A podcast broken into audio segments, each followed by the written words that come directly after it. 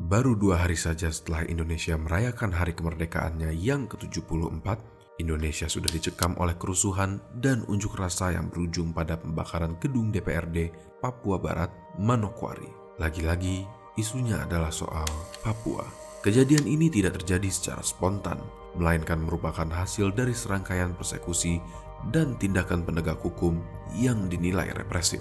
Bermula dari unjuk rasa aliansi mahasiswa Papua di Malang hingga penyerbuan asrama yang dipenuhi dengan mahasiswa asal Papua di Surabaya. Sementara perdebatan akan penyebab tragedi ini tak kunjung selesai, media beserta aktivis nasional dan mancanegara tak henti menyuarakan kemerdekaan Papua.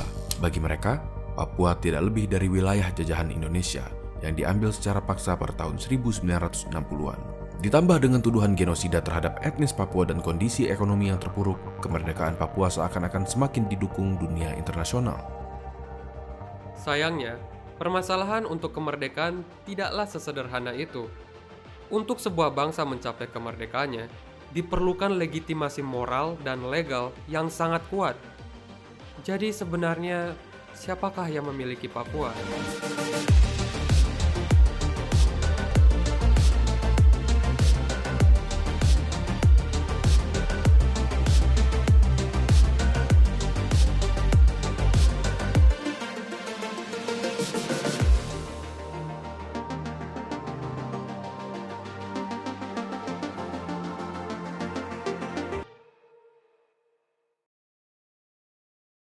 Pada tahun 1800-an, Papua adalah milik Belanda. Tercatat bahwa terdapat 15 posko pemerintahan Belanda di Papua pada tahun 1942.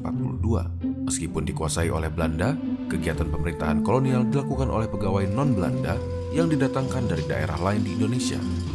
Kondisi yang terisolasi ini mengakibatkan dua hal. Pertama, Papua tidak terlalu terlibat dalam awal pergerakan kemerdekaan di Indonesia. Dan kedua, sentimen anti penjajahan di Papua juga dilampiaskan pada orang Indonesia meskipun ada segelintir warga Papua yang mendukung Indonesia. Pada tahun 1949, Papua sudah selayaknya menjadi milik Indonesia. Belanda setuju untuk mengakui kemerdekaan Indonesia dan memberikan kedaulatan bagi semua bekas wilayah jajahannya dalam perjanjian konferensi meja bundar atau KMB. Akan tetapi, Papua tidak termasuk wilayah yang disetujui oleh Belanda. Belanda kemudian menggunakan argumen ras dan etnis dengan menyatakan bahwa orang Papua sebenarnya bukan orang Indonesia. Karena orang Indonesia sebagian besar adalah ras Melayu, sedangkan orang Papua adalah ras Melanesia. Pemerintahan Indonesia pun menolak pernyataan ini mentah-mentah karena Indonesia tidak didasarkan atas ras atau etnis tertentu, melainkan dengan identitas yang beragam. Kebijakan yang dilakukan Belanda pada dasarnya adalah kebijakan memecah belah dan merupakan praktik yang sering dilakukan oleh pemerintahan kolonial. Sebagai contoh, kerajaan Belgia mempertajam perbedaan antara suku Hutu dan Tutsi di Rwanda dengan mendukung satu suku dan menindas suku yang lain. Inggris memisahkan India dan Pakistan berdasarkan agama Islam dan Hindu dan masih banyak lagi.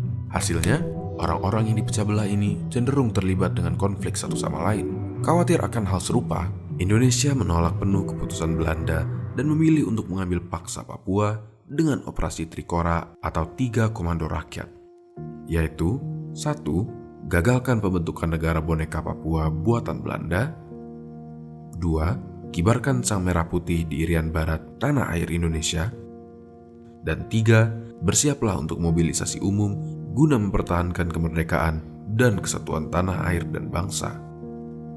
Setelah operasi Trikora dan referendum tahun 1969 atau yang dikenal sebagai penentuan pendapat rakyat atau PPRA, rakyat Papua yang waktu itu bernama Irian Barat dengan suara bulat memilih bergabung dengan Indonesia.